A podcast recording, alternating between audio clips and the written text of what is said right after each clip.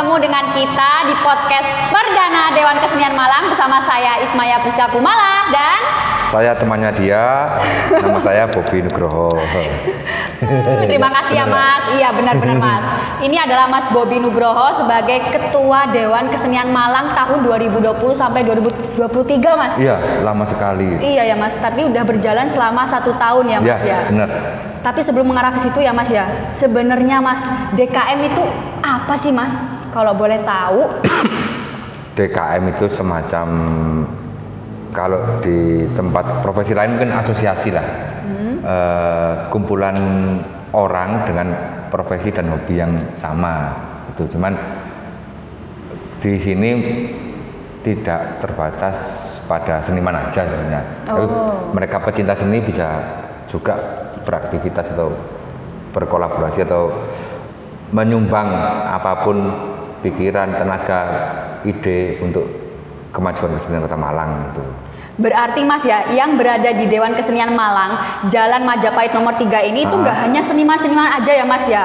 Ya enggak lah, Pecinta seniman atau dia yang suka menikmati karya-karya seniman itu juga bisa ya Mas? itu Bang? yang sebenarnya saya butuh. Pecinta seniman. Ah, Wah, itu, itu. menarik itu.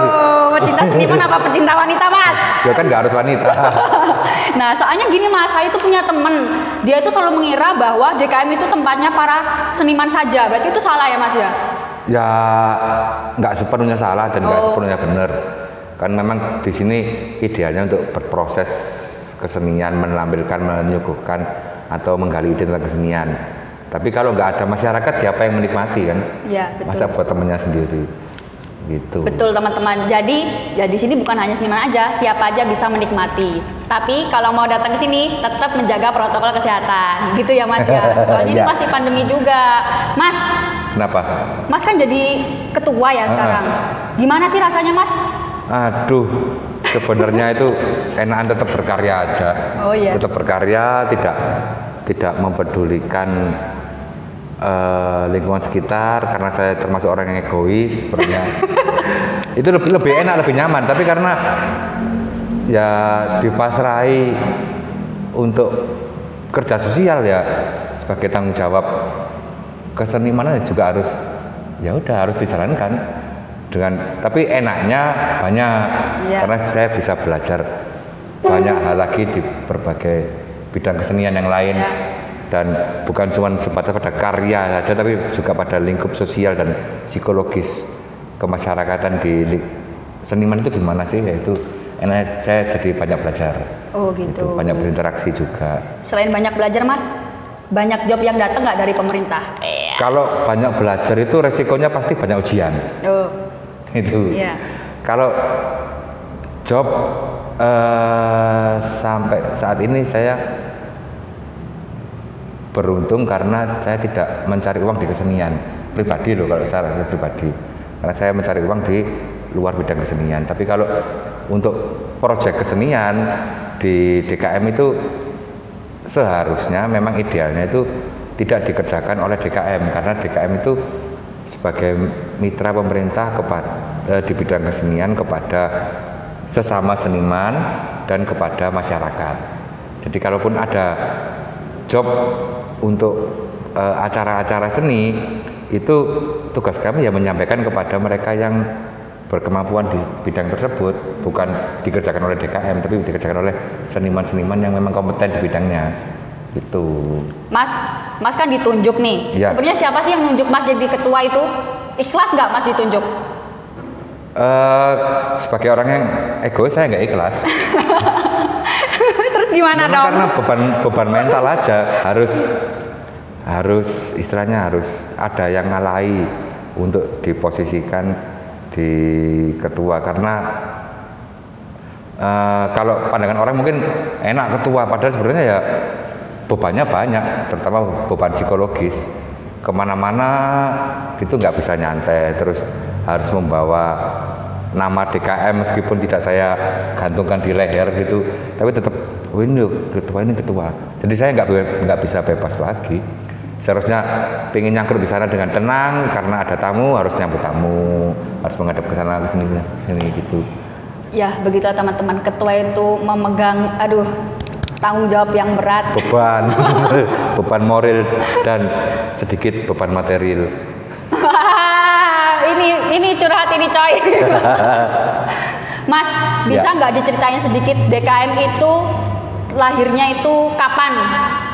Eh, menurut sejarah dari para sesepuh itu lahir tahun 73 31 Desember 1973 itu mulai dibentuk dengan eh, karena beberapa seniman senior waktu itu membutuhkan sebuah wadah kan kalau satu orang berteriak tidak akan didengarkan tapi kalau beberapa orang berkumpul Ya.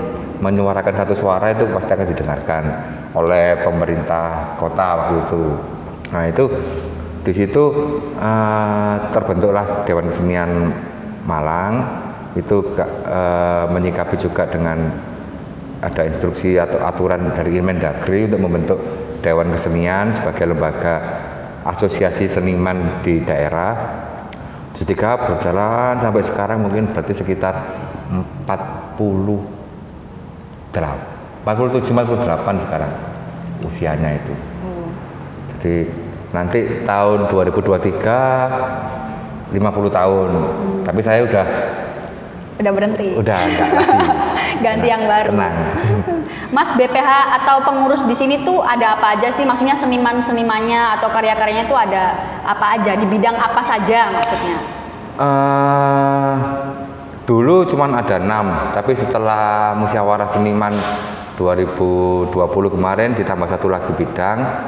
Jadi sekarang ada tujuh bidang seni, seni rupa, sastra, teater, tari, eh, terus film, radio dan televisi, seni musik dan yang terbaru seni eh, bidang seni media baru itu ada tujuh Wow. bidang. Itu kegiatannya ngapain aja ya Mas kalau dari masing-masing bidang gitu? Masing-masing bidang sebenarnya kan eh, tetap kita sebagai jembatan ya DKM harus me- menggerakkan diri untuk menyuarakan aspirasi seniman sesuai bidang masing-masing dan juga mensosialisasikan keberadaan seniman, keberadaan kesenian kepada masyarakat. Jadi nanti targetnya memang itu kita menciptakan environment yang sehat. Jadi bukan cuman kepada seniman, nggak cuman pada kesenian, tapi juga kepada birokrasi, kepada masyarakat, pada banyak stakeholder. Itu harus kita eh, buat sebuah environment yang sehat sehingga nanti ada tercipta supply and demand kemandirian juga. Gitu. Kalau waktu-waktu pandemi begini Mas, terus acaranya ngapain aja ya Mas? Secara ya kita itu nggak boleh ngumpulin banyak orang. Ya. Itu ngapain dong acaranya? Eh, dulu memang ketika awal awal kepengurusan itu dibarengi juga dengan awal pandemi sehingga eh, gagap gagap dalam ke- berkegiatan. Tidak boleh ini tidak boleh itu. Akhirnya langkah pertama itu strateginya kita karena tidak boleh ngapa-ngapain kita balik ke rumah belajar berkarya membuat karya kita pertajam karya kita kita tambah literasi membaca dan sebagainya. Sampai ketika di eh, Maret sampai April sekitar Agustus itu akhirnya terkumpullah banyak karya kita nah ada momen untuk menampilkan karya. Nah, di situ juga mulai ada pemerintah juga mulai istilahnya itu mem- membuat sebuah kebiasaan baru sehingga ada yang namanya protokol kesehatan. Di sana ada protokol kesehatan untuk kesenian dan kebudayaan. Nah, itu kita coba menerapkan gimana sih bikin pameran, bikin pagelaran dengan protokol kesehatan yang eh, baik sesuai dengan aturan yang ada itu kita eh, coba kita terapkan. Setelah itu kita juga mencoba mengemasnya dalam bentuk baru. Kan karena kayak yang dibilang Dirjen Kebudayaan sih memang kita nggak akan bisa lah kembali lagi kepada pola kehidupan berkesenian dan berbudaya seperti yang dahulu. Kita harus membuat yang baru dengan bantuan teknologi digital, dengan bantuan sosial media dan eh, seperti ini podcast ini kan juga eh, bentuk kemasan yang baru itu kita belajar mulai eh, bergeser ke sana, terus memberikan penjelasan dan pengertian kepada seniman-seniman eh, itu kita harus berubah, nggak bisa kita kayak kemarin lagi. Daripada kita ngerundel, mending kita belajar berubah. Iya. Itu yang bisa dilakukan sekarang dan mungkin ke depannya eh, kalau semua environment ini sudah mulai belajar dengan pola berkesenian yang baru, pola penampilan karya yang baru, kita sih inginnya ya juga terbentuk sebuah ekosistem yang baru di bidang kesenian. Itu, Mas. Ya karena sejak pandemi ini ya teman-teman semuanya itu serba berubah ya Mas ya. Iya. Semuanya sekarang mengarah pada digital. Jadi semuanya itu juga belajarnya juga mengarahnya ke situ ya Mas Hmm. ya. Mas kalau boleh tahu akhir-akhir ini atau kegiatan terakhir atau acara terakhir yang pernah diadakan DKM itu apa ya? Acara terakhir itu pasar seni. Oh, bisa Jadi- diceritain Mas? Pasar itu eh, sedikit balik lagi ke yang tadi Iya. ketika eh, proses pandemi berkarya dan menciptakan karya dipamerkan itu adalah karya-karya yang idealis yang istilahnya eh, menuruti keinginan atau selera dari masing-masing seniman. Nah ada juga eh, seniman-seniman yang hidup dari kesenian dan Iya. mencoba eh, menjual karya atau membagikan karyanya kepada masyarakat itu coba yang kita wadahi di pasar seni jadi berusaha ada transaksi interaksi atau tanggapan respon dari masyarakat dengan seniman itu jadi istilahnya ya ya kayak semacam pasar tapi Ya. di yang dijual barang-barang seni yang dipertunjukkan juga pertunjukan-pertunjukan seni.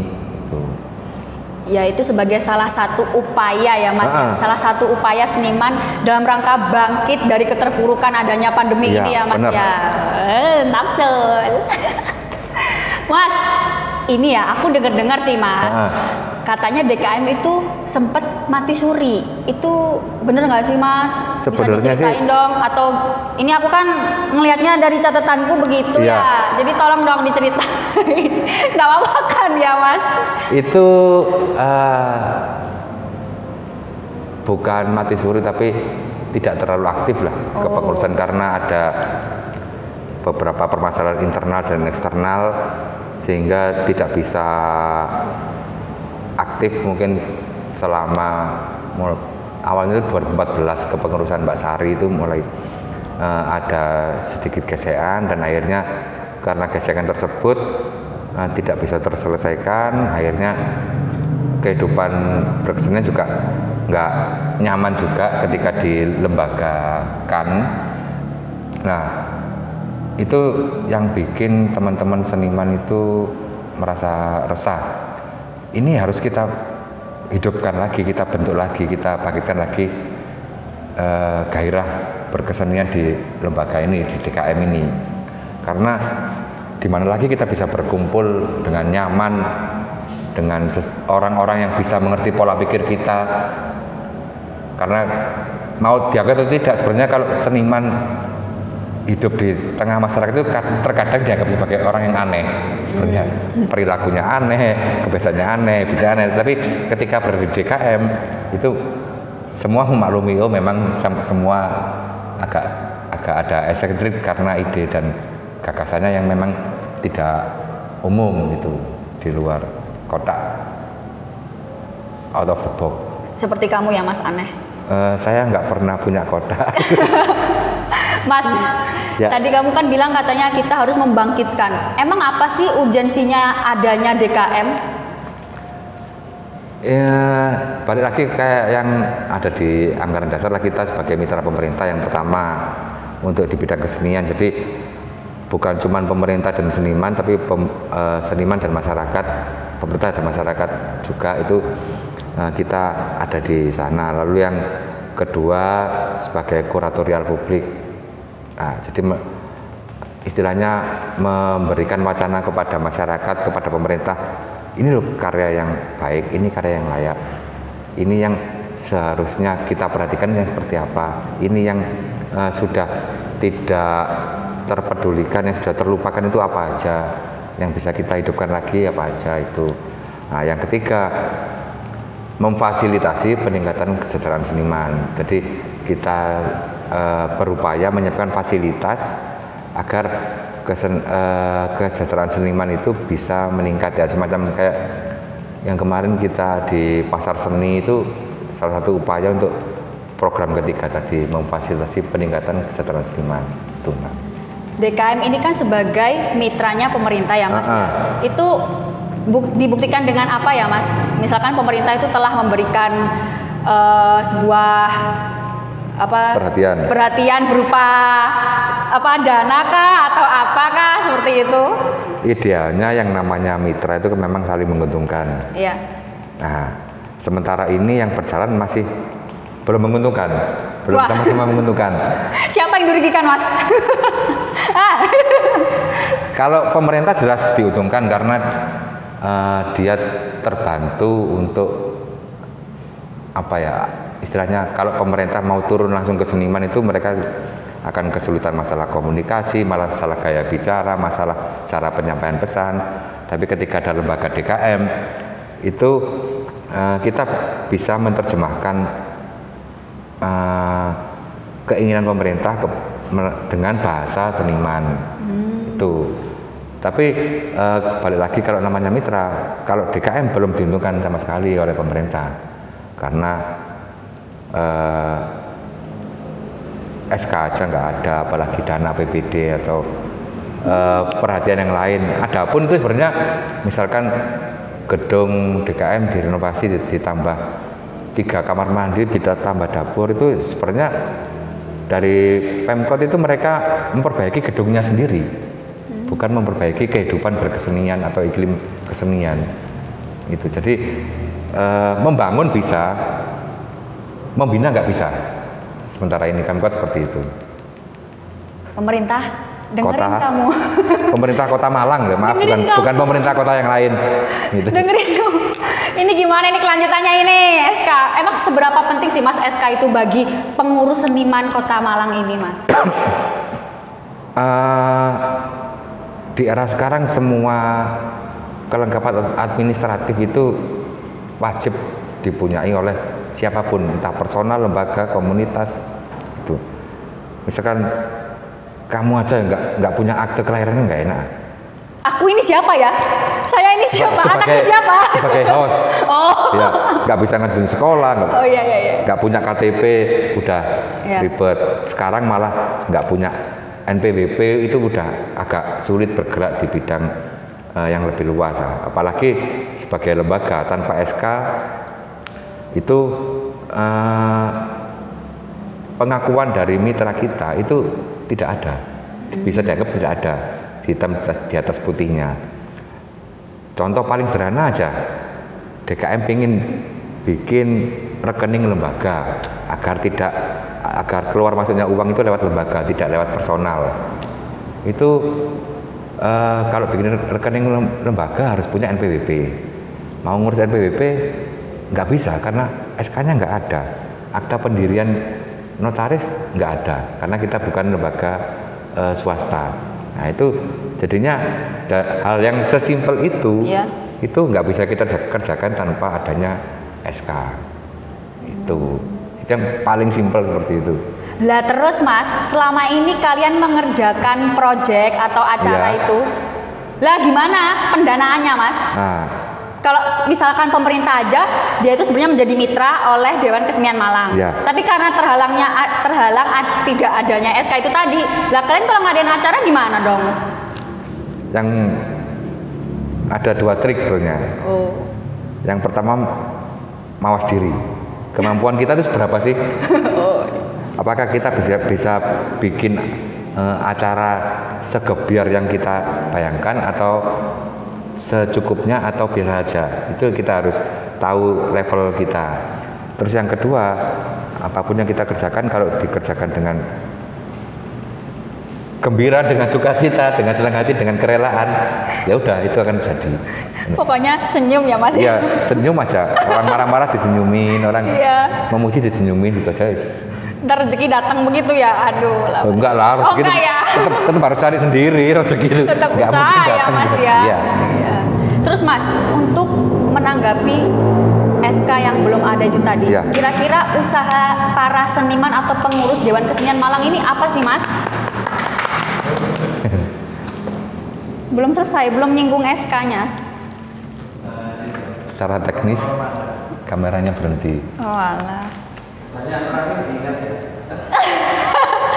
Kak dikat ae. Usaha. Usaha membuat kurang, Soalnya, kurang soalnya berapa pertanyaan sih? eh, kurang lebih dua. Oh ya. wis. Duh, mesti aku lah ngono neng kayak pertanyaan. Loncat, loncat.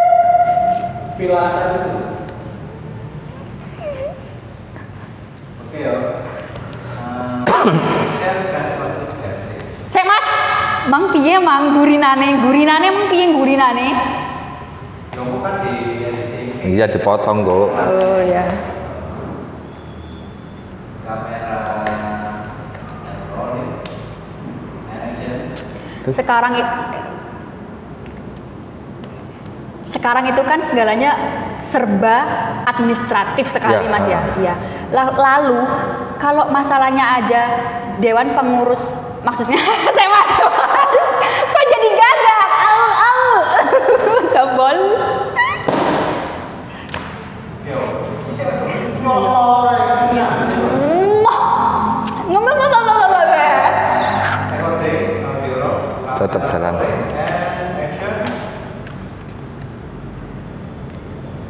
Nah, sekarang itu kan segalanya serba administratif banget ya Mas ya. Lah kalau dewan, kalau pengurus Dewan Kesenian Malang aja, SK belum punya. Lah terus bagaimana Mas? Usaha, usaha para seniman atau pengurus Dewan Kesenian Malang itu yang katanya bermitra dengan pemerintah. Usahanya supaya memiliki SK dan diakui oleh pemerintah Kota Malang. Usaha. Eh, usaha pasti ada. Iya. Entah secara formal atau secara informal. Misalkan yang secara formal kita udah eh, memasukkan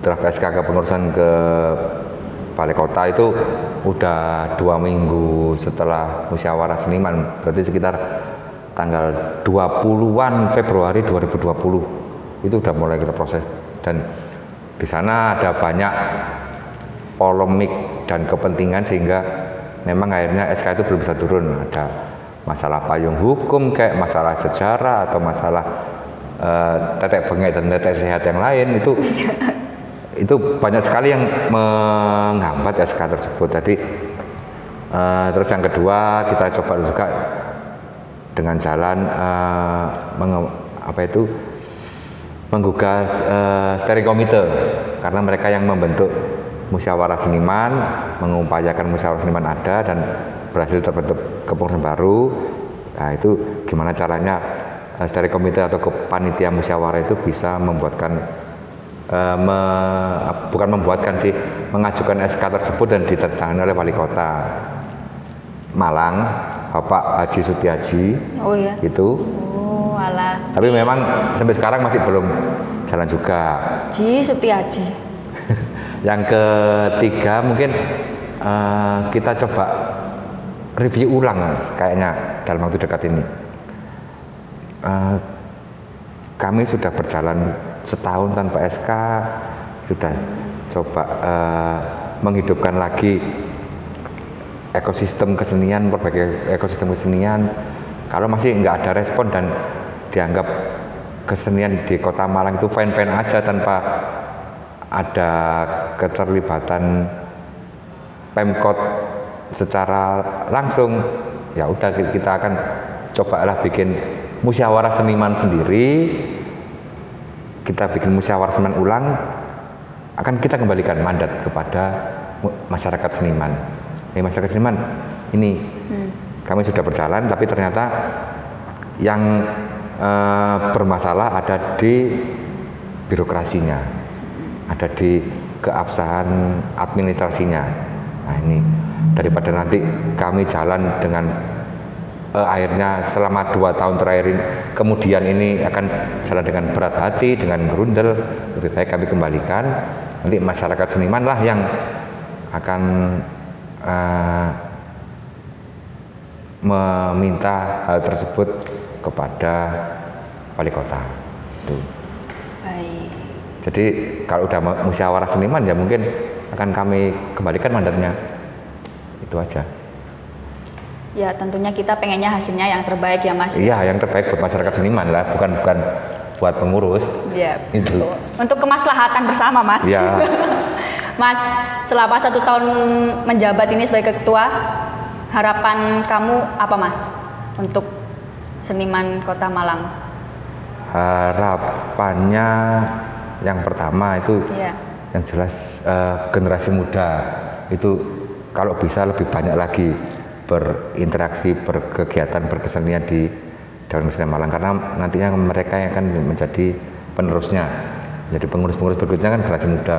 Masa yang udah tua-tua kita libatkan lagi.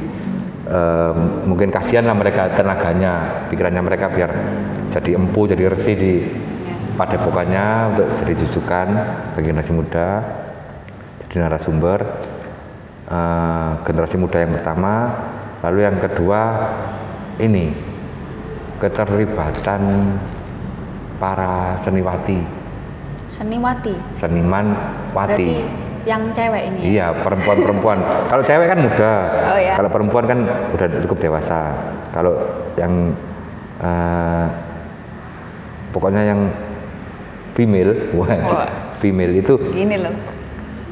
mereka banyak kok dan bisa memberikan warna baru di kehidupan berkesenian di kota Malang ini di DKM ini kalau mereka bisa lebih aktif dengan eh, sentuhan kefeminimannya itu akan mem- membuat suasana kesenian menjadi lebih menarik lebih enak dilihat lebih luas lebih tenang gitu. Selain itu juga ada warna baru, ada ide-ide Iya, baru yang Mas pasti. apalagi ya, apalagi kalau biasanya masih muda itu kan dikenal dengan jiwa yang tangguh. Wah. wah berandalan Enggak juga. enggak ya Enggak, Mas. Ya, semoga harapannya tercapai ya, Mas ya. Iya. Dan pemerintah Kota Malang bisa dong dilanjutkan itu. Gimana itu? ya, Mas ya.